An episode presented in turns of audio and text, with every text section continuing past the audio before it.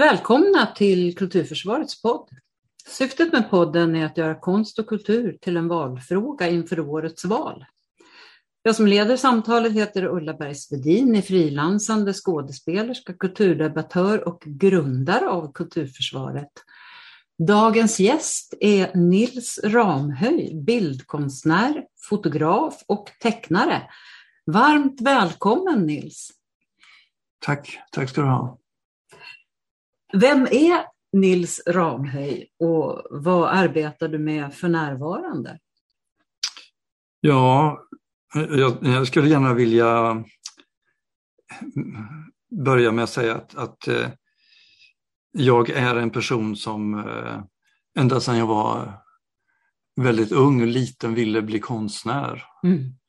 Och eh, det, jag tror att det beror på att det fanns konstnärer i min släkt så jag visste att det fanns sådana människor. Och min pappa satt och spelade piano och det fanns den atmosfären av, av kultur, liksom konst eh, i hemmet. Mm. Och eh, det var någonting som jag märkte att jag började längta till, eller jag, det, det, det väckte något begär i mig på något sätt. Att, eh, att det var en identitet jag kunde skulle kunna, kunna ha. Och kunna, det fanns någonting hopp i någon sorts, någonting, någonting som fick mig att längta till framtiden när jag visste att det fanns, som jag mm. kanske inte skulle känna annars tror jag. Mm. Och du tecknade och målade mycket? Ja, det gjorde jag. Det var ju det jag, som gav någon sorts både mening och tröst skulle jag tro. Jag drog mig undan och kunde göra det i källan ofta, i där vi bodde. Mm. Så att det, det, det, var mitt eget rum på något sätt där jag behärskade. Jag kunde, kunde känna eh, att det var, där hade jag, det var min, kunde vara min egen värld som jag, det skapade en viss trygghet hos mig. Mm. I en, som jag tror i en familj som var, där jag kände mig inte alltid så sedd och trygg liksom, utan jag, då hittade jag ett sätt att, liksom, att ge mig själv det jag behövde. Mm. Hur var det i skolan? Ja, nej det var väl inga... Jag var väl ganska alltid väldigt duktig eller så här.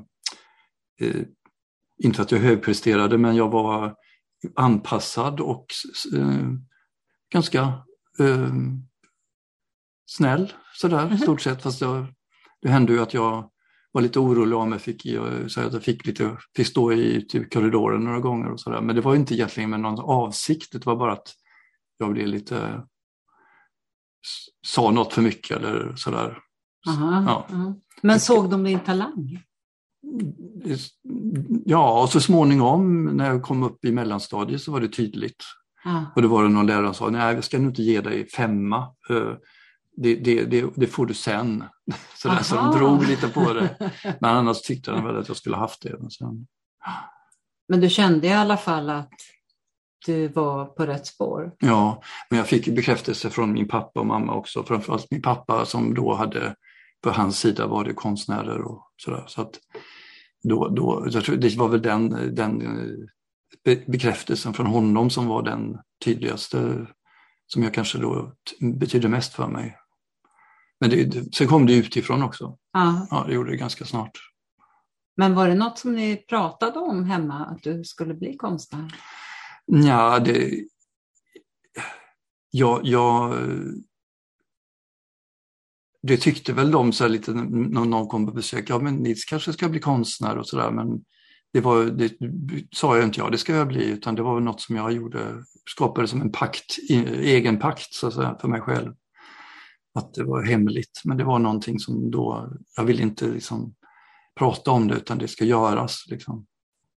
Så det, då jag tror att jag hade större makt över mig på det sättet.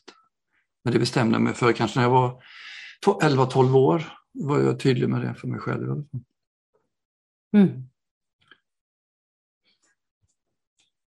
Och eh, vad arbetar du med för närvarande? Nu, jag gör det som, som verkar vara en röd tråd som jag kanske ibland har eh, riktigt vär, lite grann värkt mig för det är att jag, människor är väldigt viktigt för mig. Mm. Och porträtt är en konstform eller en, ett, ett sätt att jobba konkret med människor, liksom att man faktiskt har en människa framför sig. Det sker ett möte i den här porträttsituationen.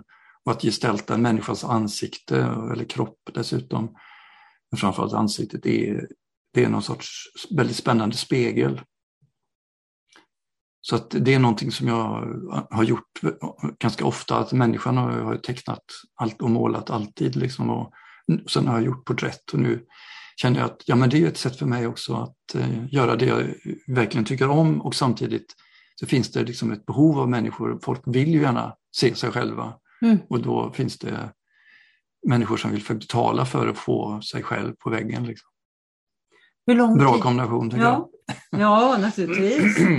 Hur lång tid tar det att eh, göra ett porträtt?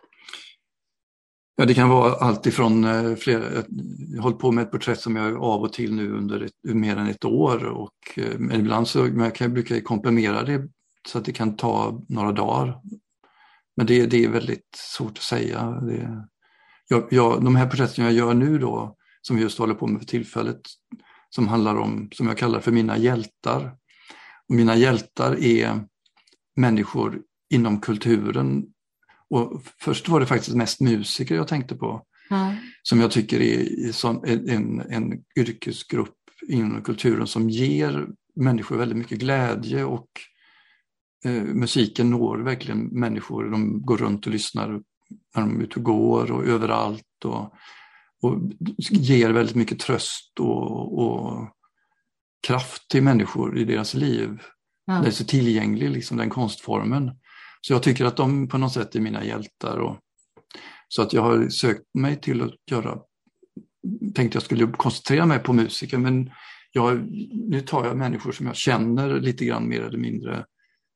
Det vill inte vara så mycket men i alla fall att jag kan prata, fråga dem om de vill vara med på att bli av, avporträtterade. Så jag ville bygga upp en samling så att säga, med porträtt som jag ska kunna ställa ut och ge ut i en bok kanske. Mm, spännande. Så försöker jag skriva en liten, liten kort text till varje porträtt då, som handlar om det mötet. Mm. Det, det, som upp, det som jag tycker är en viktig del av det, den, det arbetet, det den, det mötet som uppstår. För det bygger på att eh, personen kommer till mig och vi sitter ganska nära varandra, mitt mot varandra under ett par, tre timmar. Och då är det vad som sker då i, i rummet, i närvaron av varandra, som ger också resultatet till viss del är den, det, den, det mötet. Liksom. Det, det, är en, det är faktiskt lika viktigt som själva porträttet tycker jag. Men det, skulle, det ena ut, utsluter, ja, det ena bygger på det andra så att säga. Jag vill gärna ha det här personliga mötet. Och man sitter där mitt och varandra tyst kanske och kanske pratar lite grann eller men just det här mötet det är så vackert. Liksom. Det, det är någonting där i den kvaliteten som uppstår i det mötet som, det får lov att ta lite tid. Liksom. Bara sitta framför en människa tre timmar, det, då är det, händer det någonting också i mellan en. Liksom. Bara att man finns där som två individer. Är det också så att säga att den här personen du porträtterar sen sitter så att säga så att eh, du också målar av medan personen sitter? Ja, ja absolut ja. hela tiden. Ja. ja. Och sen så kanske det kommer tillbaka, så fortsätter jag tills det är färdigt eller så kan jag också komplettera på egen hand så att säga när personen har gått därifrån. Det beror lite grann på ja. vad det finns för möjligheter och tid och sådär. Men eh, optimalt är för mig att egentligen göra allting framför den personen som sitter där. Så att det är liksom all, allting som, kommer, som händer i rummet kommer också kommer ge ett avtryck på min panå. Ja. Jag tecknar på en, på en panå liksom med, med pennor. Ja. Eh, jag försöker förenkla mediet så enkelt som möjligt så att det inte är massa färger inblandat utan det är svartvitt i princip som grund. Liksom. Och lägger du på färg sen? Nej, nej. nej. Så att, um... Det tecknade? Ja. Mm. ja. Det ser vi fram emot att se. Ja. Varför anser du att det är viktigt att föra in konst och kultur i debatten inför valet nu i september? Ja, det finns lite flera olika aspekter av det som jag funderar på. Det, dels är det rent konkret för mig själv och för konstepidemin där jag jobbar, typ, jag har gjort länge, har min ateljé. Det är ju att vi, eh, kulturen påverkar ju våra förutsättningar för hyresbildning, alltså för hyresnivåer och, och vilken policy som tjänstemännen ska jobba efter när det gäller att prioritera att skapa bra lokaler för konstnärer. Mm. Och vi, vi, vi, vi, har, vi måste omförhandla våra förhåll, vårt avtal och det kan innebära att vi måste upp i en, en kommersiell hyra som vi inte haft den nivån tidigare. Vilket kan innebära att många av oss, kanske upp till 50-60 procent, som är enskilda konstnärer i varsin ateljé, inte har råd att vara kvar. Och det skulle kunna påverka hela Göteborgs kulturliv kan man säga, för konstekonomin är en sån viktig kulturleverantör, man ska prata i de termerna. Mm. Där, där vi, vi är över 100 konstnärer, 120 ungefär, som, som eh, gör väldigt mycket eh, till konstlivet i Sverige och Göteborg konkret, men även eh, internationellt. Och vi tar emot gästkonstnärer från hela världen och så vidare. Så det utbytet och vad vi bjuder på så att säga av konst i form av alla konstslag, så att säga. teater, litteratur, bildkonst och så vidare, litteratur och så, musik, inte minst teater. Ehm, det, det skulle kunna riskera att, inte, att inte vi kommer att kunna jobba ideellt. Eh, då, om vi har väldigt höga hyror så kommer vi inte ha råd att jobba ideellt. måste vi jobba bara för att få in pengar till hyran eh, i högre grad. Och då kan hela det här så att säga, organisationen falla på att vi inte kan bidra då till, på samma sätt som vi gör idag, till Göteborgs kulturliv och Västra Götaland och etc. etc. För ni jobbar i föreningsform? Ja, vi är en ideell förening. Ja. Så det, det är bekymmersamt just nu och därför är det, ju, det är det ju då att vi ser att vi kanske måste gå till politikerna eh, till slut om inte tjänstemännen kan, eh, och de, det är ju inte deras uppgift att kanske och ta det ansvaret för kulturen utan det är ju politikerna som måste ta ett övergripande ansvar. Därför kanske vi måste uppvakta politikerna och skapa kanske en opinion då för att hitta en väg att kunna se till att konstnärerna i Göteborg har råd att vara kvar i centrum. Mm. För nu är det ju marknadshyror som ska in, det är hela det pratet om marknadshyror, kommersiella hyror. Och att ingen ska undantas från det och då, och då innebär det egentligen att konstnärer som har bland de lägsta inkomsterna i, i, av alla liksom arbets, yrkesgrupper kommer kanske inte ha råd då att kunna vara verksamma i Göteborg, inom Göteborgs stad och flytta till, jag vet inte var man kan vara egentligen, men mm. djupa Småland eller djupa Norrland eller någonstans där det inte blir så dyrt att bo och jobba.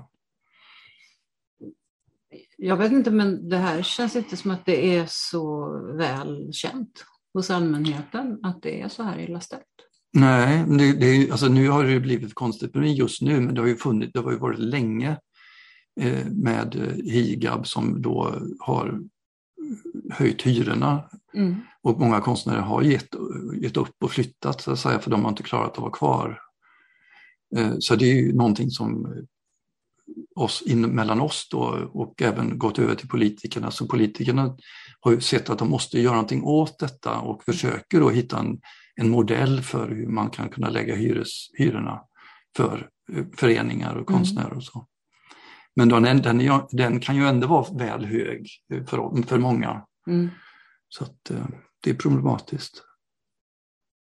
Ja, det låter allvarligt. Ja, man kan ju svara på den frågan lite mer om du vill.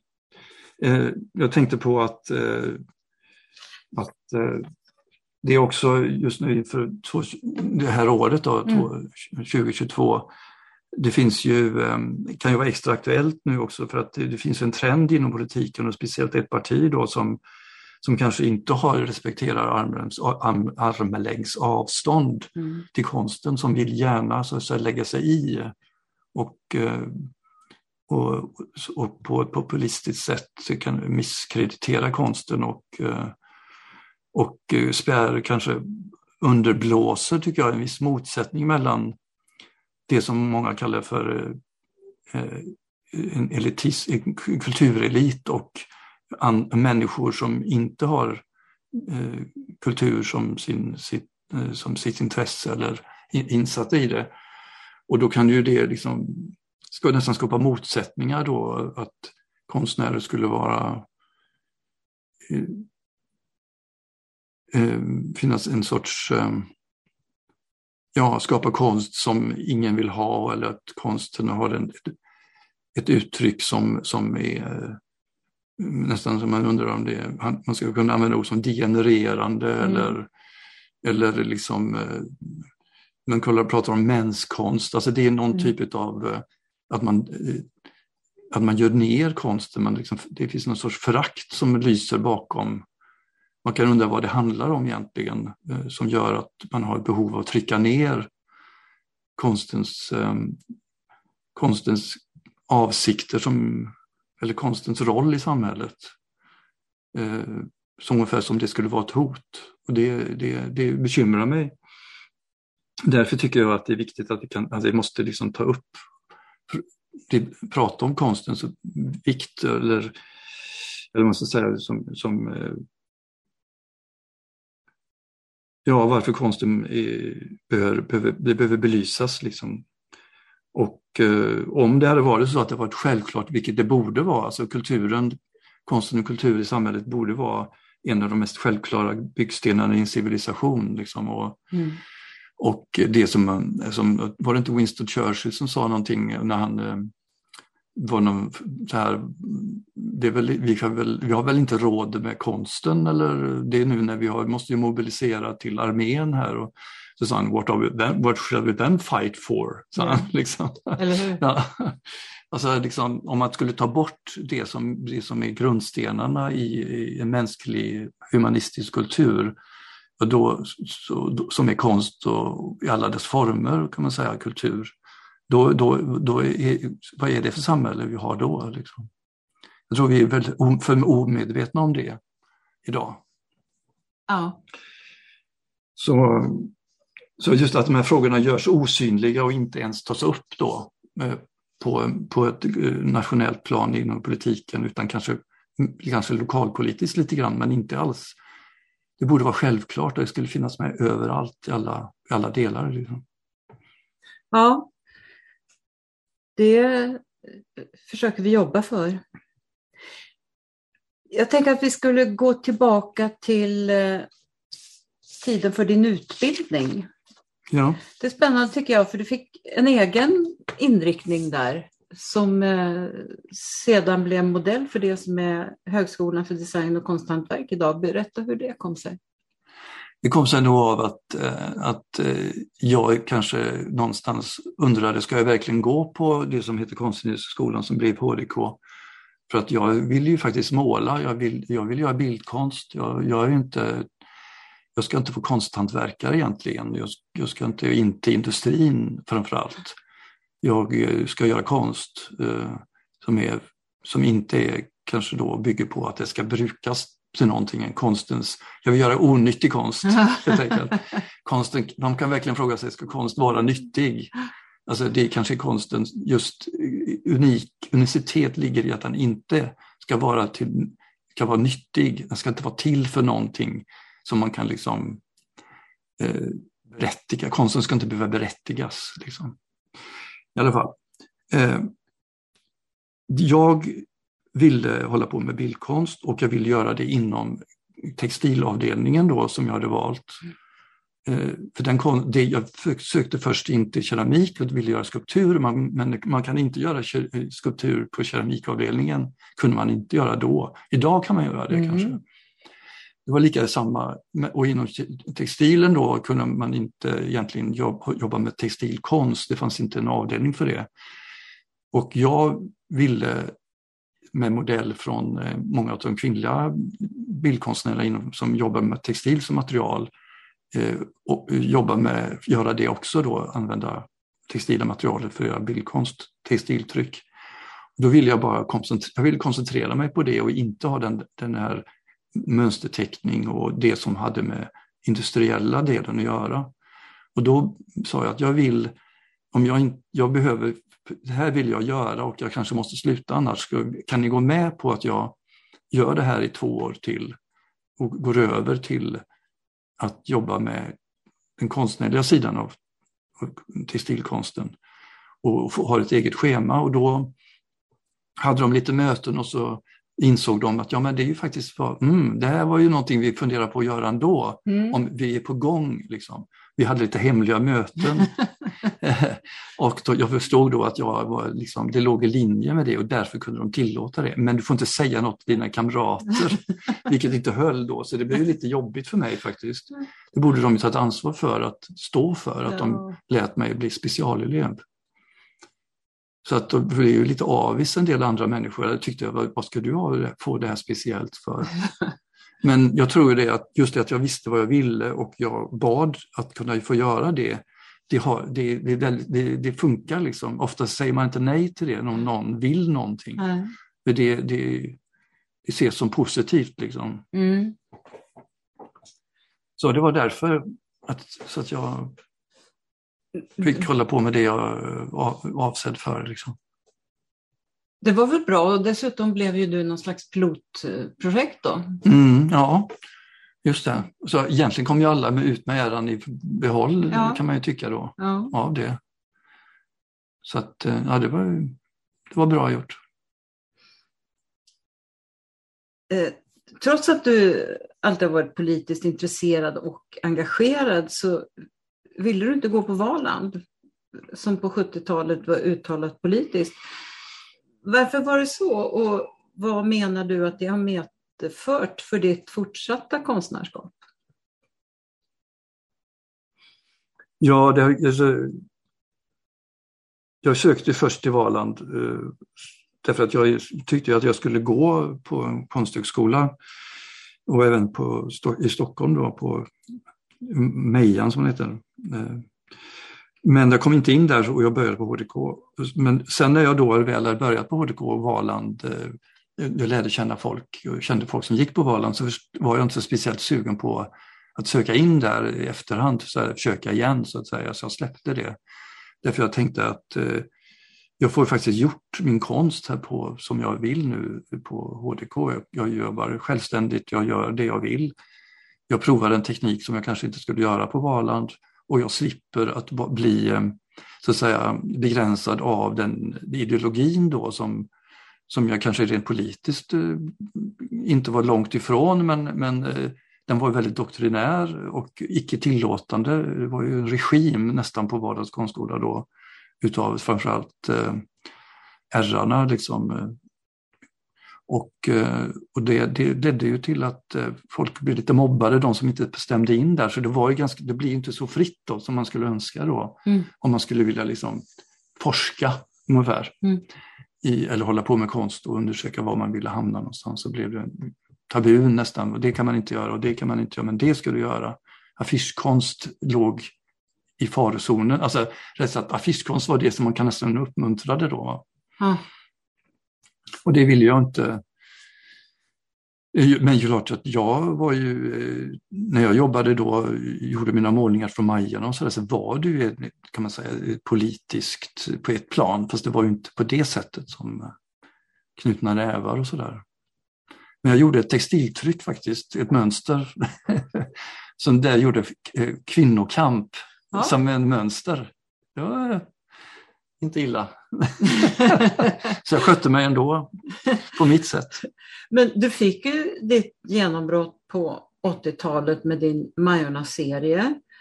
Och det måste jag ju säga att du målar ju hus så att jag ser och hör människorna som har bott där och nästan känner dofterna från maten som har lagats där.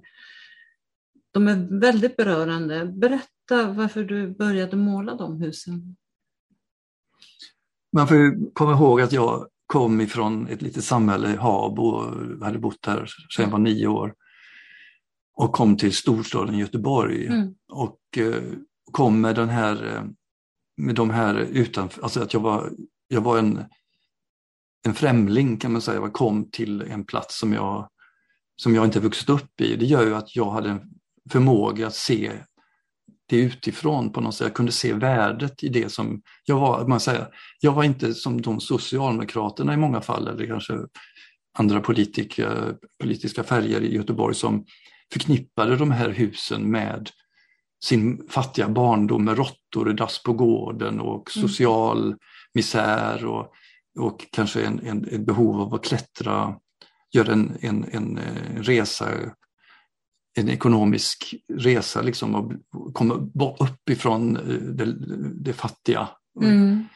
Eh, arbeta i Göteborg och, och de här byggnaderna var stigmatiserade ut efter att eh, efter att de människor som hade bott där som då ansågs inte vara, ja det var en del av Lort-Sverige, misären liksom. Och, mm. och, och, det är därför, eh, och jag såg inte med det med, med de ögonen, vi konstnärer också ofta ser ju med andra ögon, vi ser det, det, det kulturella värdet, vi ser det arkitektoniska värdet, vi mm. ser materialvärdet i, i, i husen och vi ser liksom med den här blicken distansblicken liksom, där, där, vi kan, där vi, med tanke på att vi vill gärna kunna gestalta det. Så att jag kunde liksom distansera mig så att jag kunde förstå att det här har värden som, som inte ligger i vilka människor som bor där nödvändigtvis utan, utan att har ett eget, husen har en egenvärde mm. och en kvalitet i skala och material och, och sociala de kan skapa sociala kontakter för att de har, de har de är, skalmässigt är de ganska små. Tre våningar var ju landstughusen. Mm. Med en gård där man möttes. Mm. Så det var som byggt för att skapa sociala kontakter där man, man tvingades träffas. Liksom. Så det, det var en, en skala och, och, en modell av hus som, var, som fungerade väldigt bra. Folk vittnade om också som bodde i Annedal, Landal och så vidare. De stadsdelarna som just revs när jag eh, jag kom till Göteborg precis då när de revs kan man säga. Och eh, de, folk mådde jättedåligt av, alltså man märkte att folk, det var ju jättefruktansvärt att folk behövde flytta, många led verkligen av det. Det fanns ju naturligtvis en del som uppskattade badkar och varmvatten och alltså allt det där mm, moderna. Mm. Mm. Eh, som, hade, som men de flesta så här, de mådde jättedåligt av att behöva, hela sociala, allt det sociala bröt samman liksom, och folk splittrades. Liksom. Folk tog livet av sig och det, och det var liksom folk som gick under på olika sätt. Fast det, det är svårt att liksom, men det vet jag att det hände liksom. Men mm. det, det var ju, men det pratades det ju inte om naturligtvis. Så jag värnar om de här husen för att, också för att jag tyckte att att jag såg husen som någon sorts, ungefär som ett ansikte, eller människor. Liksom. Det, var, det, det, jag har gjort kan man tycka, tycker jag själv är någon sorts porträtt eller känslomässiga porträtt, subjektiva porträtt av byggnader. Eh, där jag, som jag liksom på något sätt jag vittnade om någon sorts omsorg om eh, både hus och människor liksom, på samma gång. Och nu, nu ska de här målningarna av husen bli en bok. Och då skriver du också texter till bilderna. Vad, vad blir det för typ av texter? Ja, det, nu, det vet jag faktiskt inte riktigt. Jag, jag försöker hitta en form för det. Jag har börjat precis skriva men jag, det kanske inte blir så mycket text eh, om jag inte, jag kan inte krysta till något bara. Men jag, jag ska försöka se vad jag har i mig och ge det en chans i alla fall. Ehm, så att eh, det, det känns som en upptäcktsresa, liksom vad jag ska... Mina dagböcker har jag från den tiden och jag kan plocka bitar ur det och se om jag kan lägga till någonting med, med den här tidens distans som jag har idag till den tiden. Jag kan liksom kommentera, jag tänker att jag ska kanske kommentera, kommentera eh, utifrån vad jag är idag. Mm i kombination med där jag var då, inne i kollektivet Gröna huset på Allmänna vägen, där vi, var, där vi då bodde tillsammans, olika typer av människor. Det är liksom det som är min så säga, kärnpunkten eller utgångspunkten i den här serien bilder då. Där jag hade min ateljé och bodde då. Liksom. Så att det finns väldigt, väldigt mycket material eh, kan man säga, som minnen och i foto, teckningar och målningar. Och så ska vi, det är bara spännande att se vad det kan bli. Det är ju en historisk, det är liksom en social, en period som har liksom, som är, som är historia idag, men som är den här, det här kollektivet och de här människorna. Det är liksom mycket, många kreativa människor som bodde där och socialarbetare och läkare som blir läkare och så. Det är en, en epok liksom, mm. som är värd att få sin dokumentation kan man väl säga. Och bli, få, ja, det finns mycket som, det finns en hel del filmat därifrån också. Jag tycker det ska göras en dokumentärfilm om det. Försöker att påverka en av dem som bodde där att se till att få fram det materialet. Spännande. Mm. Men du, du beskrev också när vi talade lite om det här eh, att när du stod i ateljén och målade de här husen så fick du en stark känsla av att du plötsligt hade ämnet, tekniken och förmågan och att det uppstod någon form av magi nästan. Ja, men det, det, det var, det kände jag med, med, dem, med det också. Eh, eh alltså jag, då, då, då, är det ju, det jag refererar till när du säger detta, så är det egentligen när jag gjorde min pappa. Aha. Ja. Mm. Där, där, var det uppenbart så. Ah. Men jag upplevde till exempel att, att jag hade varit i Latinamerika ah. eh, precis. Eh, jag, jag åkte till Latinamerika efter jag hade gjort de här bilderna ah. från, från Göteborg. Och eh, och jag upplevde ju att jag gjorde någon, det var någon, det ingick en, någon sorts möte mellan människor, eller jag var ute på gatorna, tecknade och sådär. Det fortsatte med Latinamerika. Men jag märkte ju också att bara det att jag gjorde de här bilderna var, var det för vissa människor som såg mig arbeta, det, kunde, det var för en speciell person som vittnade till mig flera år efteråt eh, att det faktiskt gjorde, hindrade henne från att ta livet av sig, att hon såg mig var det sån, man kan tycka det, hur kan det ha sån betydelse? Men hon såg att jag var så uppe och inne i mitt arbete, så i det här flowet, liksom. Jag, ah. att jag gjorde någonting. Hon var så uppenbar för henne att jag gjorde det, att jag verkligen bara var, det här är någonting som jag det kanske var någonting som hon längtade efter själv liksom. och att hon såg det att det var någon som gjorde något som den älskade eller som verkligen brann för, som ingen förmodligen hade bett den personen göra. Eller något, jag vet inte. Mm. Och, eh, och då förstod jag också att, att det här, bara det att, att, göra, att välja att göra det man verkligen vill och valt um, kan, kan betyda någonting för andra, inte just resultatet men just själva mm. att man gör det. Mm. Har faktiskt, betyder väldigt mycket om, för andra vad man att man, gjort, man gör att det man sysslar med och gör det brinner för, om man verkligen gör det, tar det på allvar och förverkligar det, det betyder mycket för andra. Det. det. kan ju vara vilket yrke som helst. Ja. Jag kommer ihåg när jag åkte buss i London och så den här, då tänkte jag så här, gud den här kvinnan som är konduktör, hon sprider så mycket glädje, vilken mm. fantastisk grej. Hon liksom får, man, får en känna sig lycklig liksom, eh, en stund liksom, på väg till jobbet eller någonting. För att hon bjuder på sig själv. Då är det ju rätt person på rätt plats. Liksom. Ja. Och det behöver inte vara att man ska vara konstnär eller något fint, eller, men att man gör det som man på något sätt är gjord, alltså man, som man älskar att göra, som man, man ger av sig själv från. Liksom. Tar sin uppgift på allvar. Ja, ja, det betyder så mycket. Du var inne på det. Du bestämde tidigt i livet att du skulle resa till Sydamerika. Mm. Berätta varför du tänkte så och om när du gjorde det och tecknade och målade dina upplevelser där?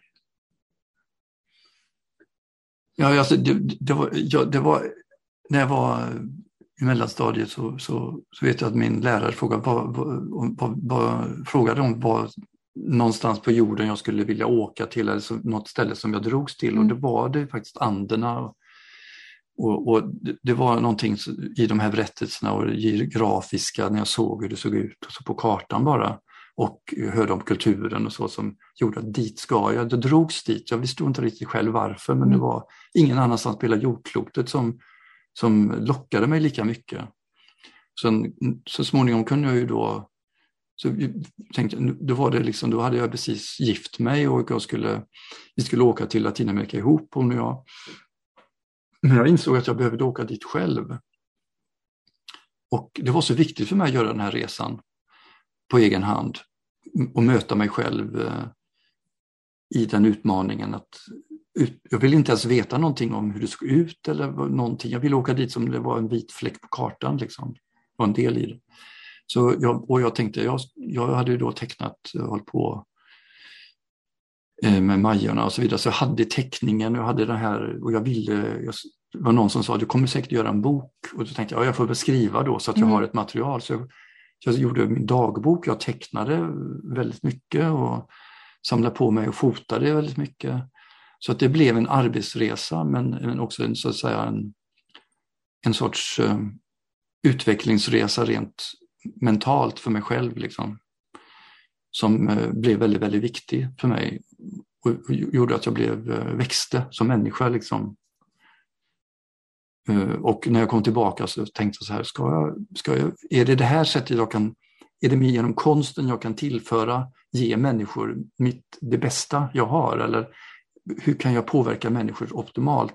Är det inte bättre att jag jobbar som terapeut eller psykolog eller någonting, alltså direkt påverka människors liv och, och, och hjälper som ett redskap, ger dem redskap för att förverkliga sig själva och så vidare. Mm. Eller vad är det jag ska göra? Men så insåg jag då när jag gjorde boken som, från Latinamerika att eh, nej men det är ju det här jag eh, kan, eller det här jag, det här jag, det är det här jag, eh, jag fick kvitto på liksom att jag, för, för det är någonting jag får, kommer i, jag, för, jag når människor på det här sättet genom mina redskap, den begåvningen jag fått eller den kunskapen jag har övat fram.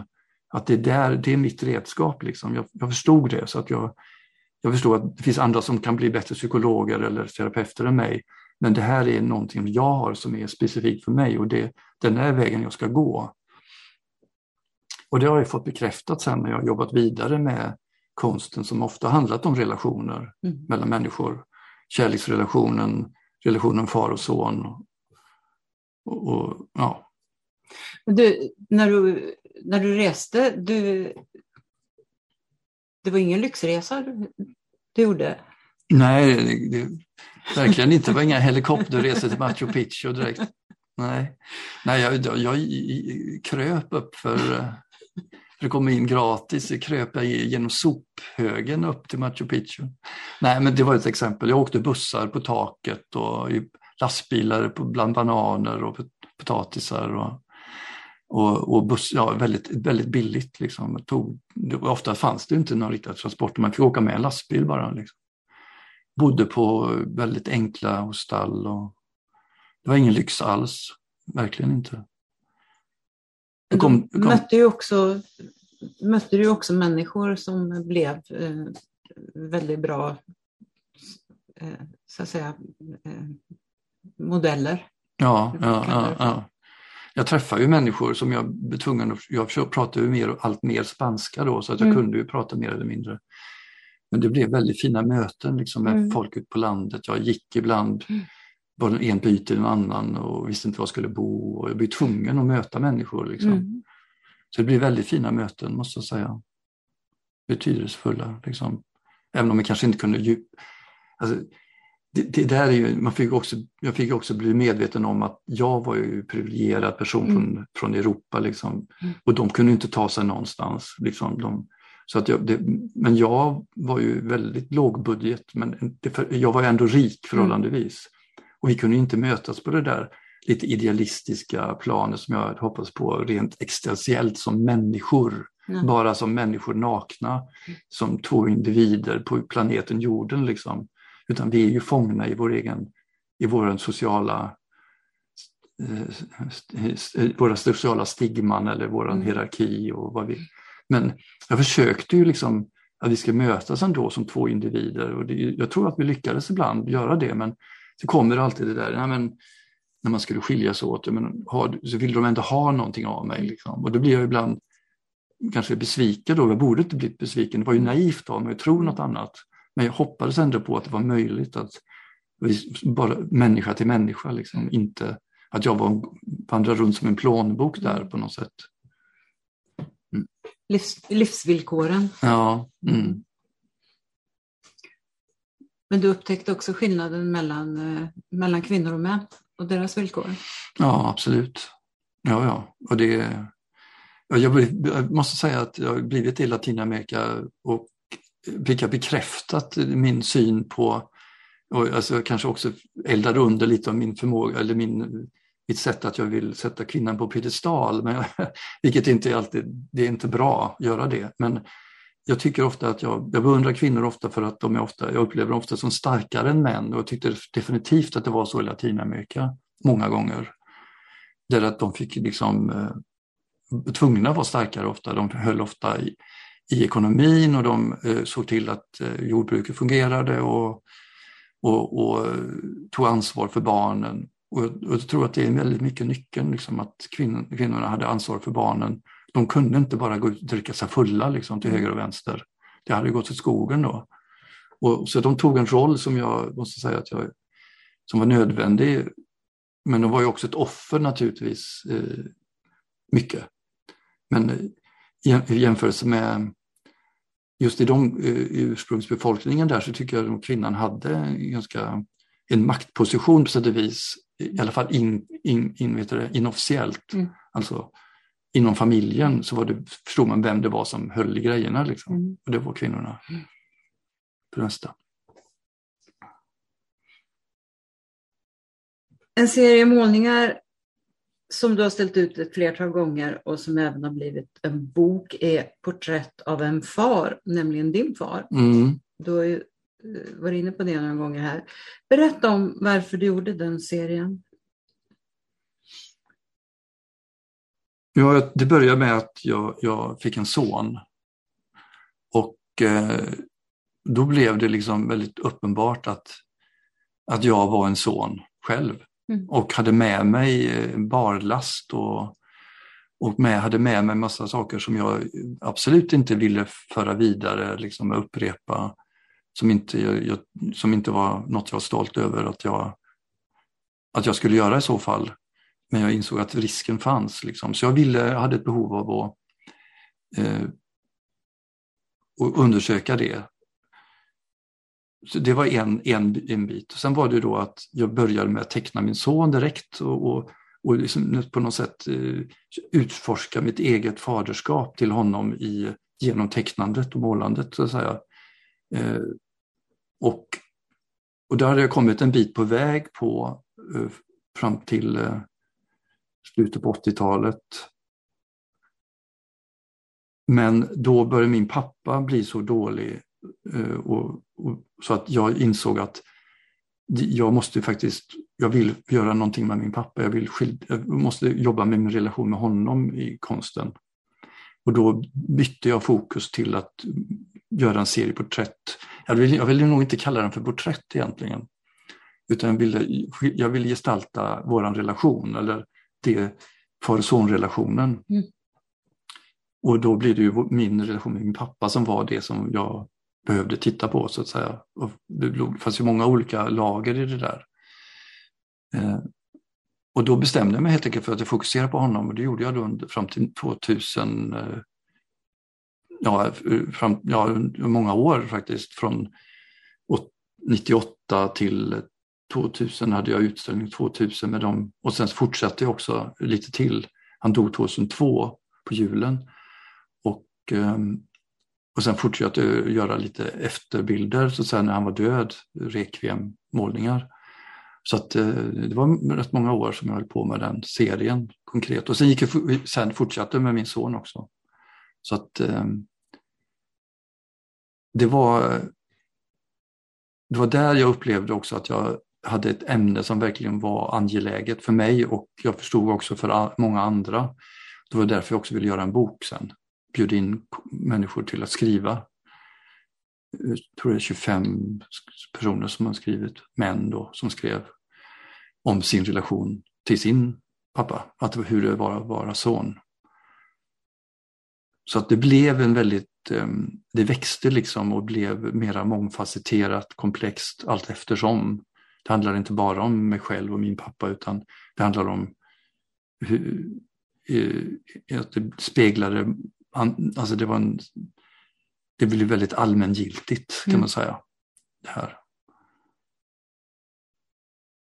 Och, och då, det var då jag upplevde att, att jag hade mina verktyg och min, det materialet jag hade valt och eh, det sättet jag jobbade på var, gifte sig perfekt, det blev kongenialiskt liksom med ämnet. Och det, det, det var så en stark, väldigt stark upplevelse av att hitta rätt, att komma, jag har mitt medium, jag har mitt ämne och eh, jag har liksom nå, ett, någonting att förmedla och allt det där liksom sammanföll då, just då, perfekt. Liksom. Det, det, det var, det, det är en sån värdefull sak att ha med mig vidare. Liksom. Och det är svårt att slå det. Mm. Hur ska jag, tänkte, vad ska jag kunna göra här efter som, som har samma tyngd, samma angelägenhetsgrad, samma, som kan ge mig samma energi att liksom verkligen fördjupa mig. Och det är svårt att hitta faktiskt. Eh, men det är de här mellanmänskliga relationerna som jag, som, där det finns liksom. Du har fått en hel del reaktioner på, på de här porträtten. Och de flesta har varit att människor har varit väldigt berörda, som du sa, också. Mm, mm, mm. igenkännande och kunnat relatera till inte bara fäder utan till an, andra relationer också. Ja, ja. Men du har också fått reaktioner som där man tyckte att du har lämnat ut din pappa. Mm, mm. Ja, och det, det har varit ganska, vålds, alltså några ganska våldsamma. Alltså folk har verkligen, några har gått igång på det, så här, att, att det har varit respektlöst och, och Ja. Och, eh, och eh, gått över en gräns liksom där, där jag har utnyttjat honom kan man säga då. Eh, jag menar, mina, min mamma och mina syskon var väl ganska oroliga. För det är ju det här med familj, hemligheter i mm. familjen och sånt där också. Att det, det, det, vad ska andra tycka? Det mm. där. Min mamma var väldigt ängslig över det tills hon hon kom på min första utställning på Länsmuseet i Jönköping och blev lite lugnad av hennes väninnor då som såg att det här var ju kärleksfulla porträtt mm. eh, faktiskt, tyckte de då. Och då pustade hon mm. ut stackaren. Mm. Hon var ju rätt spänd för det här, vad andra skulle tycka. Eh, men, men eh, klart att jag tog mig friheten så att säga och han bjöd på sig själv till mig och jag förvaltade det som jag själv tycker på ett respektfullt sätt, även om jag inte har skonat varken mig eller honom. Och jag inser att det här är bilder lika mycket om, som handlar om mig själv som om honom. Och det var jag ju medveten om också, att det här är en typ av självbilder som därför eh, så säga, utsatte jag mig lika mycket själv. Mm. Eh, fast det var ju han som var så att säga objekt för, eh, utifrån sett så ser folk det som porträtt, men som sagt var jag jag, jag ser, det, det, är mer komplext än så. Liksom. Um, en bild av en relation? Ja, precis. Jag, jag försöker beskriva det som att jag vad försökte vara, nu sitter du och jag mitt mot varandra mm. här. Vi har ungefär en meter mellan mm. oss. Det, det jag försökte gestalta är det rummet som är mellan oss, det mm. mellanrummet där. Det är det jag vill ge form. Vi blandas här emellan. Mm. Det uppstår någonting där, ett tredje. Liksom. Mm. Och det vill jag ge form. Och det är egentligen naturligtvis, hur gör man det? Mm. Liksom? Jag blir ju tvungen nästan att göra det jag ser. Och jag ser dig. Och i fallet så min pappa, då gjorde jag ju hans gestalt. Mm. Men gestalten färgades, påverkades av det som är luften eller det som innehållet mellan oss. Det är det som formar honom. Det är min, min, det är min subjektivitet eller min upplevelse av och jag speglar mig i honom och han kanske speglar sig i mig. Och så det, det, det händer någonting däremellan, det är det jag ville få tag på. Just det, och, och du har blivit väldigt hyllad och omskriven eh, för det här arbetet. Eh, har det betytt någonting utöver det för ditt konstnärskap? Det det har, vad det har betytt är ju att jag fått bekräftat att jag att jag, att jag följer, att följa min intuition och min, min, min, min lust eller det som jag själv ser som viktigt oavsett trender eh, i konsten eller överhuvudtaget. Eh, oavsett om man kanske inte är så coolt att göra det här och att det, man borde kanske göra någon annan typ av konst, eh, mera, ännu mer idébaserat, konceptuellt. Och man sneglar åt vad som är inne och liksom hur man kan vinna poäng inom konstvärlden och så vidare. Att det bekräftar för mig att det är, inte värt, det, det är värt att följa min inre, egen röst, liksom, min egen intuition, min egen känsla vad som är, vad som är viktigt, vad som brinner i mig. Att, att det är det som ska, jag ska göra. Då får det vara hur det vill med det andra. Liksom. Det, det förstärkte det, för att det visar också att, att jag får ju kvitto på att, att det uppstår möten och det är jag ute efter. Alltså ett möte, konsten ska ut och möta andra, människor. Liksom. Det, är, det är en del av att vara konstnär, tycker jag. Mm. Att, att den, den ska inte stanna hos mig utan samtidigt så finns det väldigt mycket tillfredsställelse i att det, jag gör ju det och det finns ju där. Men det vore ju lite tragiskt om ingen såg det, liksom, att det inte uppstod det där. Att jag inte lyckas förmedla det där som jag egentligen, som är en av drivkrafterna att göra det. Eh, jag gör ju det också för att, så att säga, för min egen skull så att säga. Jag gör inte det, jag är ju inte en legosoldat eller en, alltså jag, eller jag gör ju inte det bara för någon annan utan mm. det är ju en symbios. Alltså jag gör det för att, att jag skulle, det här skulle jag vilja se själv också. Om, man säger, som, eh, om jag går, alltså, jag vill göra det som jag skulle vilja se var gjort där ute, att någon annan hade gjort det så jättebra. Liksom. Mm. Men nu måste jag göra, jag måste göra min bit, ska jag göra. Liksom. Ja, för du har ju sagt att oavsett om det handlar om hus eller människor så finns det just det där mellanrummet som du talade om i relationer som är intressant att undersöka. Mm. Och att det finns en drivkraft att nå närhet.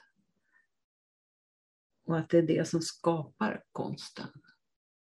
Det tycker jag det, det är så fint. Ja, eh, Ja, ja alltså det är ju, är ju en del av en längtan så jag tror vi alla människor mm. delar. Mm. Eh, att, att vi har ju en existentiell ensamhet i oss eh, som alla vi måste liksom möta. Mm. Eh, och, vi, och jag tror att det är bra om vi möter den hela tiden mm. egentligen. Mm. Men, men den, det som vi då kan ge oss styrka att möta den och kunna liksom leva i ändlighetens perspektiv där vi inser att vi är ändliga. Vi, vi, vi kommer inte finnas för evigt, vi, vi, vi kommer att dö och vi vet inte när. Mm. Och att vi måste ta vara på den tid som är nu. Den, det gör, och den, då, blir, då blir det så uppenbart för mig att närheten och känslan av gemenskap eller eh, mötet med andra människor är kanske det som på något sätt kan ge oss, skapa mening och kanske, jag, jag, vill inte jag vill använda ordet tröst, men eh, vi sitter i samma båt, liksom. man får den, det mötet som där man känner att vi, vi är här och nu och, vi, och det är magiskt. Liksom. Mm. Det, det, det, kan bli magiskt att verkligen, när man inser det och, och har det mötet. Och kan jag skapa den typen av närvaro i exempel i ett porträtt eller i en konst överhuvudtaget. Att, det, det, att när det finns en sån när, att det kan uppstå när konsten i sig utstrålar den typen av närvaro, jag har investerat mm. i den, då är, jag, då är jag väldigt nöjd så att säga, om, det, om jag lyckas med det. Mm. Jag kan inte begära mer ungefär och då måste det, jag, jag kan inte tvinga någonting, någon till att bjuda på sin egen närvaro men jag har gjort, att, jag har gjort det första steget. Mm. Möt mig om ni kan och vill och öppna nog. Ungefär. Ja, jag, jag, tänkte nu, för det slår mig plötsligt att eh, din och min konstart är, är så, skiljer sig på det sättet att eh, du arbetar ensam mm. eh, och eh, jag arbetar oftast i alla fall tillsammans med många andra. Ja. Men ändå så är det, det är först i mötet med publiken Mm, som mm, jag känner den här mm, mm, känslan som Mm. du talar om. Mm, mm. Men sen är den ju borta. Ja, just det. Just det. Men i ditt fall Mm. så är det ju så att den, den kan ju upplevas om och om igen av, av hur många som helst. Ja, det, det, det, det, det är sant. Um, Samtidigt som du, du är ensam när du skapar. Så, så Ja, det, det, är ja, just därför det det. jag har tänkt på sådär att det, det att du eh, det, det, det, det tänker jag ibland på just det där att, att, att vara ensam i sitt skapande. Mm. Vad, vad, hur, hur är det? Som, men, alltså, men, men tänk dig själv, alltså, jag vet att jag varit i min ateljé på nätterna ibland och jag, jag, var, jag gjorde en, en stor mål, en te, ett porträtt faktiskt av en, en plastikkirurg natten när Olof Palme blev skjuten. Jag var mitt i världen i den stunden. Ah. Jag var, gjorde en målning på eh, ett berg, eh, alltså, eller jag gjorde ett motiv som jag började på på, eh, en ö på västkusten som, som det berget var, hade formen eller fick formen av en kurande, hopkurad människa i rädsla. Liksom. Det låter ju lite, nästan lite banalt. Men det var, den, den, det, just då lyssnade jag på invasionen av Kuwait i realtid liksom, på radion.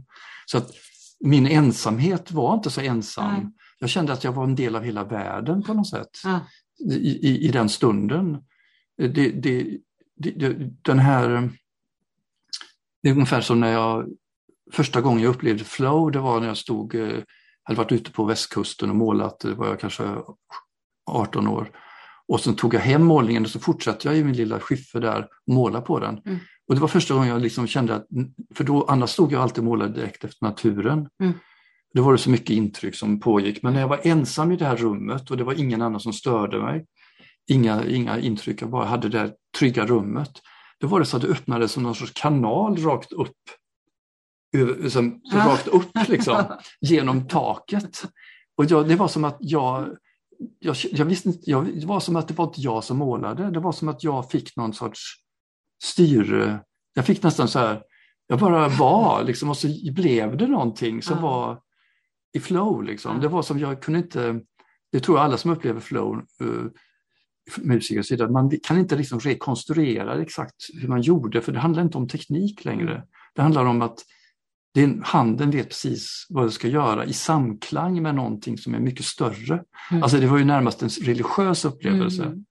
att, att känna att, att jag var en del av någonting mycket, mycket större Mm. än bara att jag ska tekniskt klara av någonting. Det, det var den första upplevelsen av det och det upprepades då och då. Och jag, jag, jag har upplevt det själv också när jag har stått och pratat inför människor ibland eller Mm. stått på en scen där jag måste, jag vet att nu är det jag och jag, jag, jag måste göra, det är som att jag tar någonting i anspråk i mig själv som jag inte visste fanns där.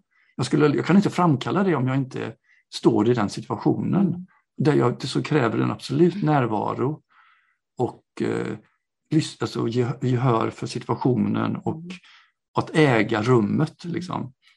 Då, då lyfter jag mig. Det är som att jag, då kom, får jag ta mig själv i anspråk på ett sätt som, som jag måste säga jag saknar det nästan i, i, i, om jag, i, i, för övrigt. Liksom, jag längtar efter det igen. Liksom, för att där, då skulle jag vilja vara som du, skådespelare. Liksom. För att det är svårt att ersätta det med, med att vara ensam ateljén. Mm. Men det närmaste jag kommer det är att vara i den här flow-situationen där jag känner mig totalt i, förenad med allt. Liksom. Det finns inga gränser, jag är inte ensam. Då är jag lycklig liksom, Mm. i det läget. Mm. Jag är befriad från mig själv Mm, kan man säga. Mm. Mm. Ja. Det är spännande.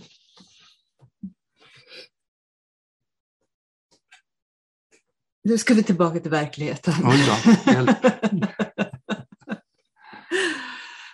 Du, du är ju en framgångsrik konstnär. Om vi ser till din produktion, utställningar, stipendier, recensioner, offentliga utsmyckningsuppdrag. Men du har en skamligt låg pension som i stort sett går åt till att betala hyra för din ateljé som du talade om här inledningsvis. Mm. Vad tänker du om det?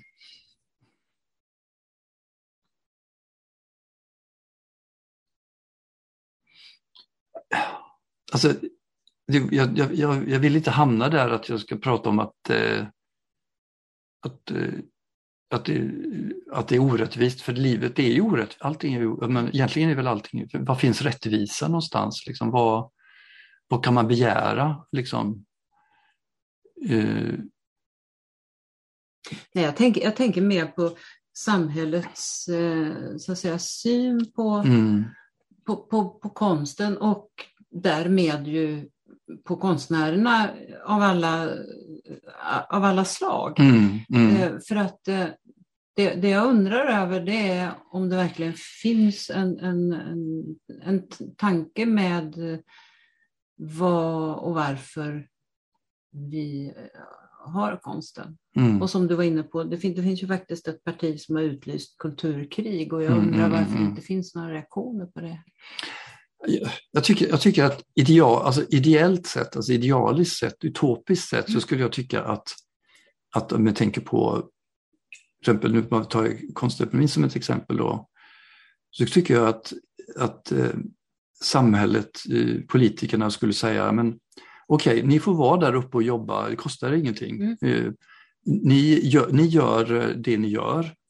Eh, vi, vi, vi har förtroende för att ni så att säga, fyller den funktionen som vi behöver, som vi, vårat, som Göteborgs, Göteborg och Sverige eller ja, kulturen behöver i Västsverige till exempel. Och att ni levererar, för det har ni visat under 20 år att ni gör. Mm. Ni lägger ner, vad vi förstår, ungefär 5 miljoner kronor om året på ideellt arbete, vilket motsvarar ungefär den hyran som fastighetskontoret vill ha ut av er fortsättningen. Vi kvittar det helt enkelt mm. mellan.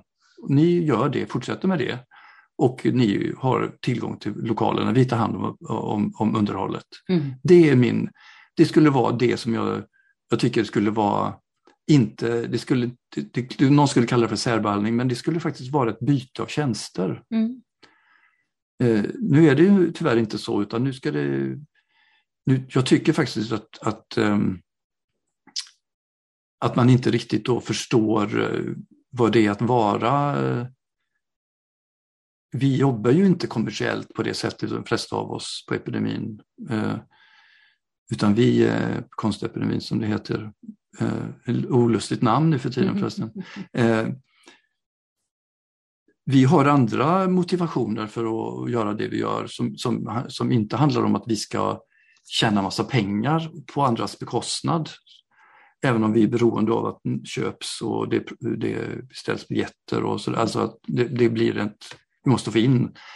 Men egentligen så i det bästa av samhällen så skulle, skulle det finnas möjlighet att, ehm, att man uppskattade oss konstnärer av olika sorter på ett sådant sätt att vi, att vi eh, så här, som i det här fallet kunde, man ser att vi ger någonting och att det har eh, att det, det kvittar liksom ut, alltså vi, vi, det blir en sorts utbyte. Jag skulle gärna tycka att eh, Göteborg skulle fråga mig eller så, eller någon annan konstnär kanske. Att, ja, vi håller på med att planera den här stadsdelen nu och vi håller på att tänka lite över Göteborgs utseende och sådär. Jag skulle vilja att du jobbar lite med stadsarkitekten eller, eller kom mm. in och sa lite vad tycker ni konstnärer om, vad har ni för värderingar och hur ser ni på detta? För vi har, tycker jag, en, en förmåga och en erfarenhet och ett seende som är på, på det kreativa planet och visionsplanet som, som väldigt få politiker har. Man har. De klarar inte det. Vi skulle kunna komma med väldigt bra idéer och råd Precis. för att få en attraktiv stad eller för region eller vad du vill. Och det, det, vi, vi tas inte i anspråk kan jag säga.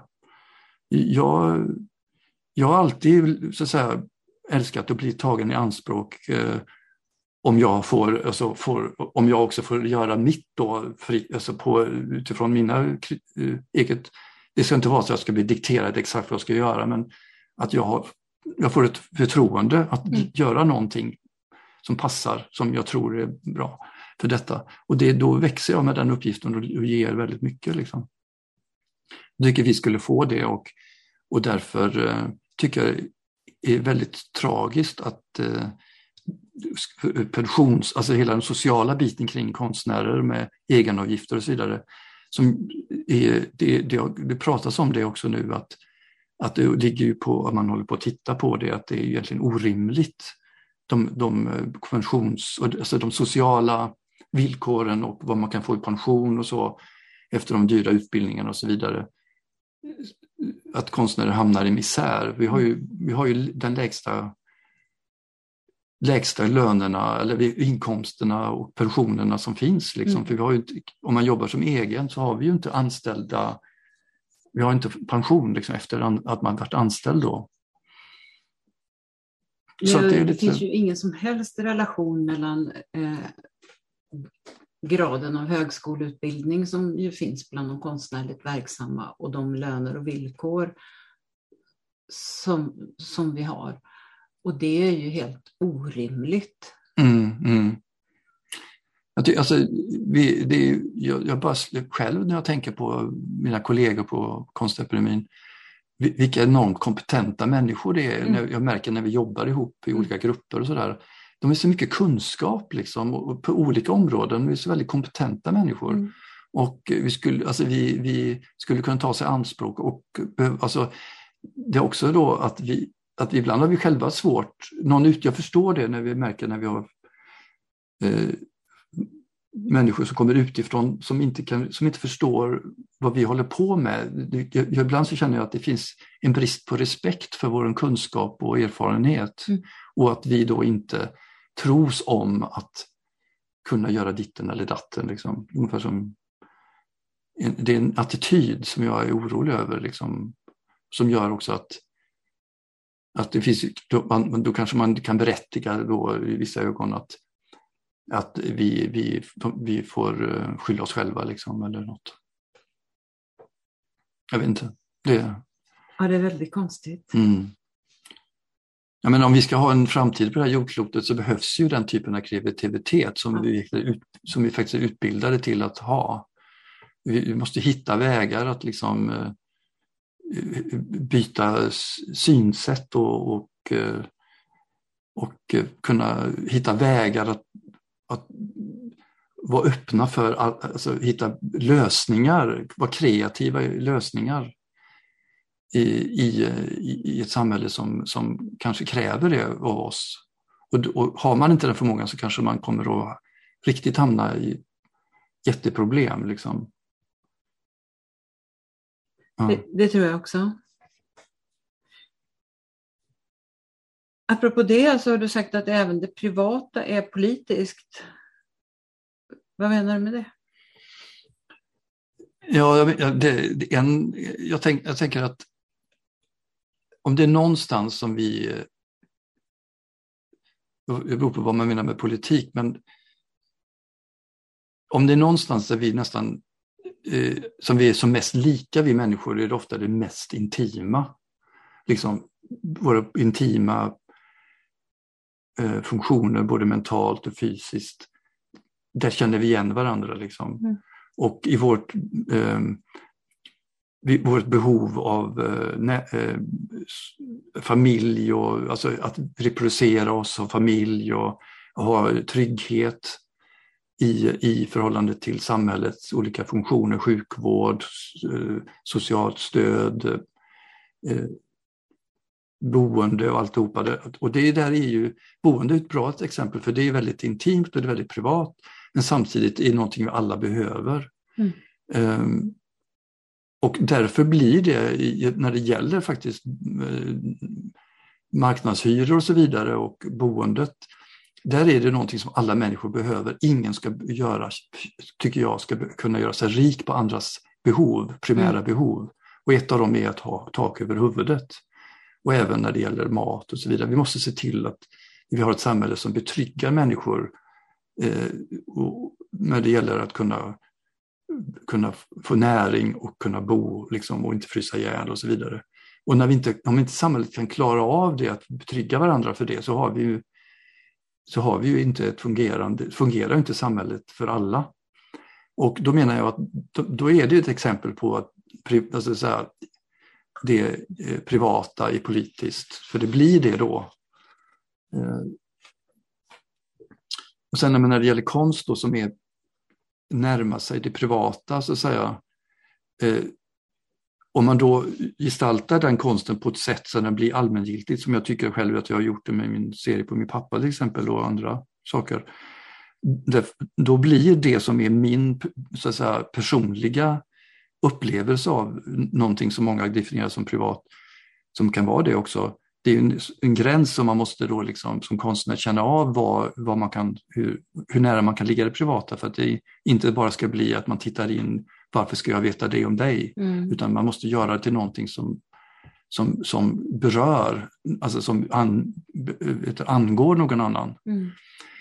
Eh, det är då det blir, eh, då blir det också, det är den konsten som jag tycker kanske är den som jag berörs mest av.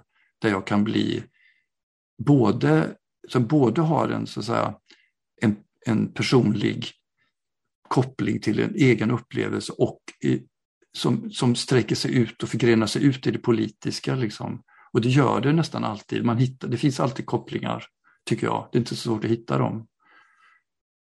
Um, och det kan ju vara, men när man håller på med, som jag dras till, mera existentiella frågor också, med liv och död och kärlek och sådär, eh, då är det ju någonting som människor upplever i, i, i det privata, men det är existentiellt och det berör oss alla. Och, då, mm. och det tycker jag, existentiella frågor borde vara, också vara politiska frågor kan man tycka. Verkligen, och det är ju där det kommer in det här med konsten som en, en, en politisk eh, fråga. Mm. Tänker jag också. Mm. Vi backar lite ändå till din eh, utbildning. Eh, därför jag tycker det är intressant. Eh, din utbildning var ju fyra år mm. och du lärde dig ett antal tekniker. Grafik, textiltryck, måleri, teckning och fotografi. Lite skulptur också faktiskt. Och skulptur ja. också! Ja. ja. Idag är ju alla konstnärliga grundutbildningar kandidat på tre år. Och mm. En del studenter tycker att de får för lite av hantverksbas eller vad vi ska kalla det. Och att det ställs för mycket krav på att mer ska vi säga, skaffa, skapa sitt eget varumärke. Hur, hur ser du på det? Ja, jag, jag, märker när jag pratar med kollegor och, och så och hör hur, det, hur högskolorna förändras och även sån skola som HDK där eh, det finns inte så mycket tid och plats nu när man ska flytta dessutom till det här vid museet här, eh, konsthallen och ja, där vi Götaplatsen, där kommer man få ännu mindre plats. Och hur ska man då ha plats för att, att göra de här, ha de här verkstäderna? Där, hantverket är ju otroligt viktigt tycker jag då.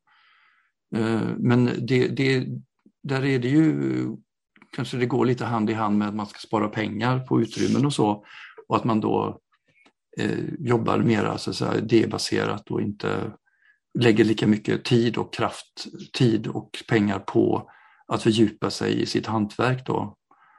Och det, det är väl en trend, eh, men jag undrar om inte det kommer att slå tillbaka att, man, att, man, att nya generationer kommer att vilja återerövra hantverket som är mer slow art eller liksom, där, där det finns jag tror att framtiden är väldigt mycket i att vi har en kontakt med jorden, med marken, med, alltså med material som finns i naturen och så vidare.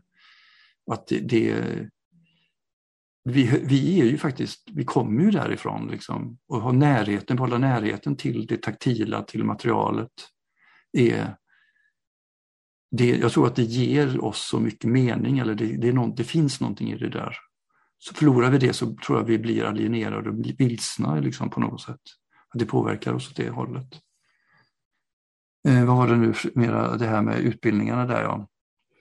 Längden på utbildningen har ju med det att göra då att vi måste ha tid till att kunna få öva oss eller gå in i det här. Det, det, så, de här sakerna tar lite tid. Va? Så att eh, jag tycker det jag är tveksam till det, att det ska gå så fort. Och det är så mycket, mycket akademiskt. Och, när det kommer till akademi då är det ju liksom att man ska skriva väldigt mycket om vad man tänker och gör och så. Kanske mer än att göra det liksom, många gånger. Att det, tyngdpunkten är att du ska kunna kommunicera eh, det där som du tänker och gör. Och när jag tänker på det finns en annan typ av konst. Jag, jag har full respekt för idébaserad konst och, och så vidare, men jag tycker fortfarande att vi får inte glömma bort att bildkonst, skulptur och så vidare som, eh, som är för ögat så att säga, som ska man också låta ska, ska vi också få lov att kommunicera på sitt eget, på sina egna villkor. Eh, och att det, det finns så mycket där som man inte kan säga i ord. Man kan inte uttrycka allt det där som en, som en, en kanske en målning eller ett foto eller alltså en bild eller en skulptur eller eh, någonting som är gestaltat i form. Det, det, finns saker där som inte går att, att sätta ord, det ligger mellan raderna. Liksom. Det, ligger, det, det är som poesi, ett ganska bra exempel på att det är inte texten bara som är det viktiga, utan det, det är det som ligger mellan raderna, det vi läser ut, som vi skapar in i vårt eget sinne när vi läser poesin, som blir poemet. Liksom. Det är, man är medskapande. Och det är i, i det ännu högre grad i, inom bildkonst och så vidare, form, och bild och formkonst, att, att där är, blir betraktaren medskapande på ett helt annat sätt än om man läser en instruktionstext. Liksom. Jag tror och för sig att master, jag vet inte hur det är på bildkonstsidan, men i alla fall på scenkonstsidan så vet jag att master utbildningarnas examensarbeten i alla fall är, kan vara praktiska också. Oh ja. Mm. Jag har ju varit på många gånger och ja. sett deras ja. föreställningar. Ja. De, de, är väl vad jag vet måste vara praktiska tror jag. Jag vet inte om, det finns någon som har gått igenom och bara gjort en skrivit Nej, någonting. Nej, jag tror, jag tror inte det. Så det, jag, jag, vet inte hur, riktigt hur det fungerar på. Nej. Men eh, men det, nu är ju, eh, ja, kanske, alltså scenkonstutbildningen vad jag vet så har den ju ofta traditionellt bygger den väldigt mycket på att man går vidare till någon av institutionerna, teatrarna. Eh, men det kanske inte är bara så, det, kommer ju, det har ju blivit mer, det finns ju performancekonst och så nu också. Men hur eh, skulle man kunna ta bort hela det där ledet att man faktiskt möter en publik? Oh nej. Oh nej. Men eh, jag tror inte att de flesta studenter eh, får jobb på scenkonstinstitutioner nej. som det ser ut idag. Nej, nej, det finns för få eller? Det finns för få arbeten mm, mm. för det. Men, eh, men som sagt, det, jag har hört ganska mycket just från studenter att man, att man, eh, att man eh, pratar just om ja, om, om de här sakerna. Att man, det, det, kan ju hända att det bygger på en föreställning också om vad, vad man ska få lära sig. Mm. Jag vet inte. Nej. Nej. Sen kan man ju alltså rent politiskt, den här frågan är ju lite, lite känslig, men hur många ska man utbilda? Alltså hur, det, det finns, alltså, men man utbildar ju då väldigt, ganska många inom eh, på konstsidan då, konsthögskolorna och så vidare. Men det finns ju egentligen inte med någon sorts fiktivt löfte om att det finns möjlighet för, för alla att, att kunna förverkliga sitt yrke och, och klara sig på det. Men det är ju egentligen, finns det verkligen, eh, är det verkligen realistiskt att alla som går ut de här olika konstnärliga utbildningarna kommer att kunna leva på sin konst? Det är en bra fråga. Alltså det, det, det är nog rätt många som blir besvikna att det inte går. Hur många stor procent är det egentligen som lyckas? Och frågan är, ska man det kanske, det kanske, det, ja, folk måste ju få lov att utbilda sig till konstnär av mm. olika slag, det tycker jag är självklart. Mm. Men samtidigt då så, så finns det ett samhälle på andra sidan som, som sen eh, som kanske lovar för mycket och, och, och, så, som, då, och då blir man ju arbetslös eller man har ingen, kan inte klara sig på efter sex års utbildning eller fem eller fyra eller vad det är, mm. så, kom, så, man, så, kan man liksom inte leva på det överhuvudtaget. Nej. Gör, hur, har samhället något ansvar där kan man undra? Ja, det är en bra fråga. Och sen är väl frågan också kanske eh, vad, vad, vad är hönan och vad är ägget, höll jag på att säga. Mm. Alltså vad beror det på? Vad beror det på vem som, vem som eh, drar vinstlotten? Mm, mm, mm. Det tror inte jag är, är så givet. Nej, nej, det är inte det. Jag tror att det kan vara både slump och annat. Ja, absolut, absolut. Mm. Det, det är det. Det- Så, det- så, att, så att skulle man börja göra den, alltså det, i så fall skulle ju det förutsätta att man gjorde en annan sortering redan, redan tidigt. Och då undrar jag vem som skulle kunna klara Ja, av att göra den sorteringen. Men var det som sa att alla är konstnärer? Är det Josef, Boy, Beuys eller var det inte det? Jag vet inte. Tror det. Han, Möjligt. han hade ju lite den synen om jag minns rätt. Liksom. Det var ju ganska provocerande. Ja, Eh, och, att, eh, och det gick inte, han jobbade ju på Düsseldorf, tror jag, på konsthögskolan där. Och, och, men optimalt skulle ju vara det att alla, all, alltså att, att vi hade, att vi hade ett, ett, liv som gjorde att vi skulle, alla hade, kunnat, hade tid att vara kreativa. Så kan man ju kalla sig konstnär eller inte. Men att vi hade liksom eh, det, att vara yrkeskonstnär, det låter, ju- ibland kan det ju nästan vara som man känner att jag är konstnär i, i, och, och gör det för andras skull därför att de inte har, måste jobba på Volvo. mm. Alltså, då måste någon rep, representera den kreativa delen i den personen. Mm. Alltså, det är ungefär som, okej, personen som jobbar med de här batterierna som ska byggas på eller monteras på, på hissingen för småningom här. De har ju inte tid att måla, måla eller göra konst. De kommer ju att jobba där. Och då måste vi, då måste vi någon vara ställ, ställföreträdande kreativ. jag, tror, jag tror att många som arbetar eh, i olika yrken är väldigt kreativa eh, på sin fritid. Mm. Men jag tänker att jag, jag tycker att det är en rättighet att få vara, få möjlighet att eh,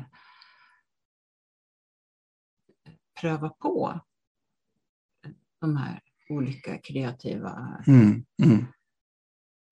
varianterna i förskola och skola. Mm. Så att man kan få,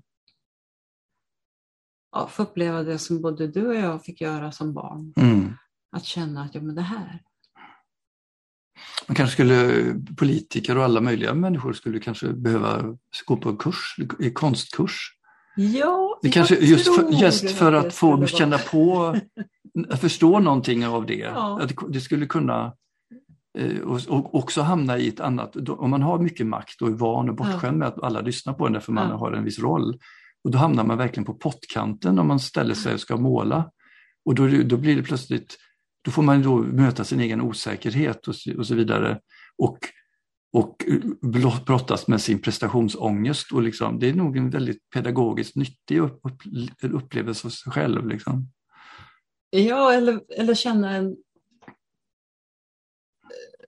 en befrielse kanske Ja. också.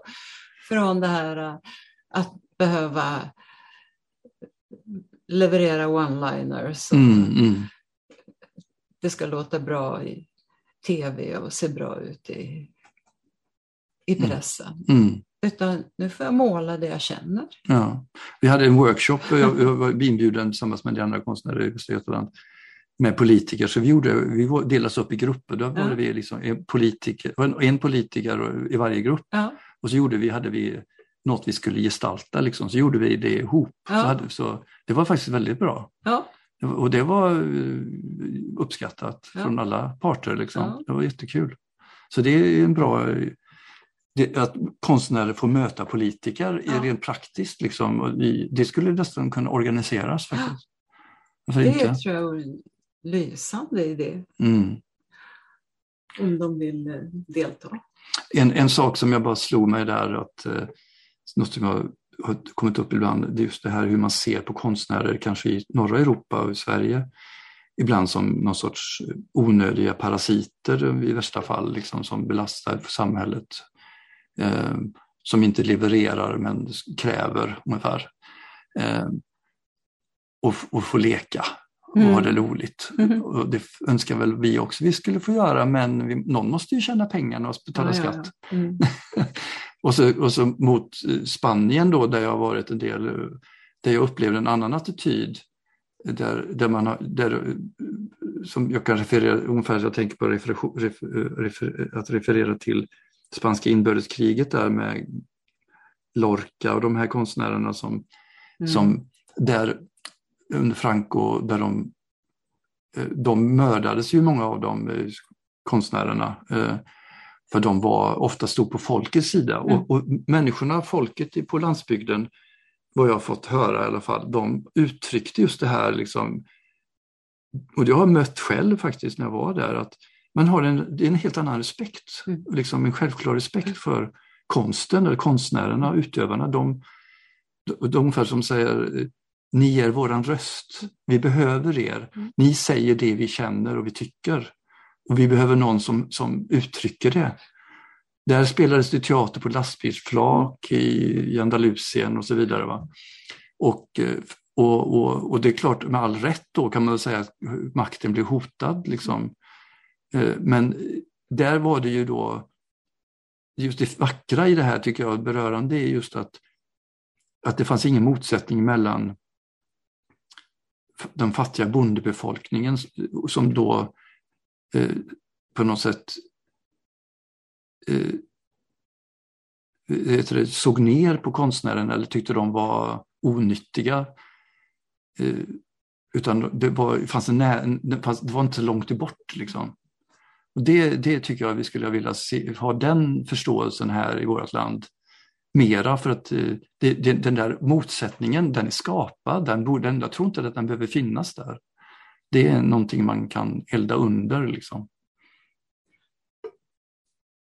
Jo, men det har väl alltid varit så när eh, diktatorer har tagit över att eh, ja, det finns en anledning till att de ger sig på konstnärer och eh, journalister först eftersom ja. det är de som kan formulera Precis människornas känslor och mm. krav. Precis. Jag har en avslutande fråga till dig. På vilket sätt och av vilka anser du att konst och kulturpolitiken bör debatteras inför valet så att det som står i alla kulturplaner blir tydligt att konst och kultur är viktigt för såväl samhälle som medborgare? Mm, det, jag försökte att fundera lite på det, för det, det är mer, ju mer man tänker, ju mer kan det komma upp där.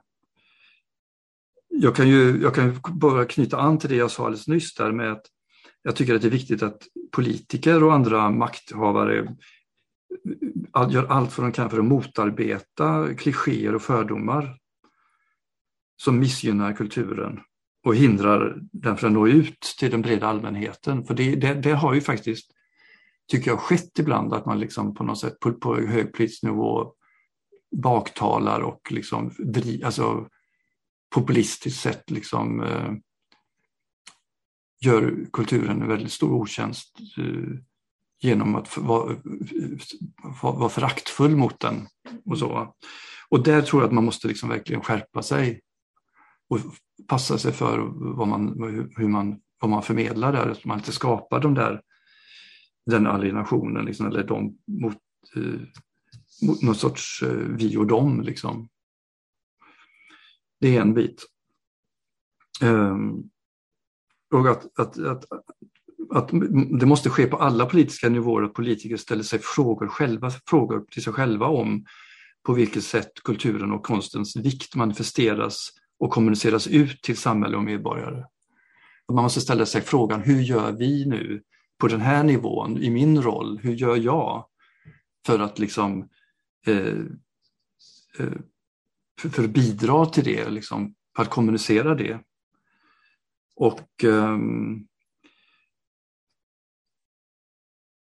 och, och, och, man då också måste fråga sig själv vilka signaler man sänder ut helt enkelt. Där, ja. Eh, och att vi alla i samhället bör kräva av våra folkvalda eh, att de ska vara medvetna om kulturen och konstens betydelse. Att de, ska, de borde helt enkelt utbilda sig eller få, få alltså att de måste vara, ha den medvetenheten så att de inte, eh, miss, eh, så att säga, inte har fattat grejen. Liksom.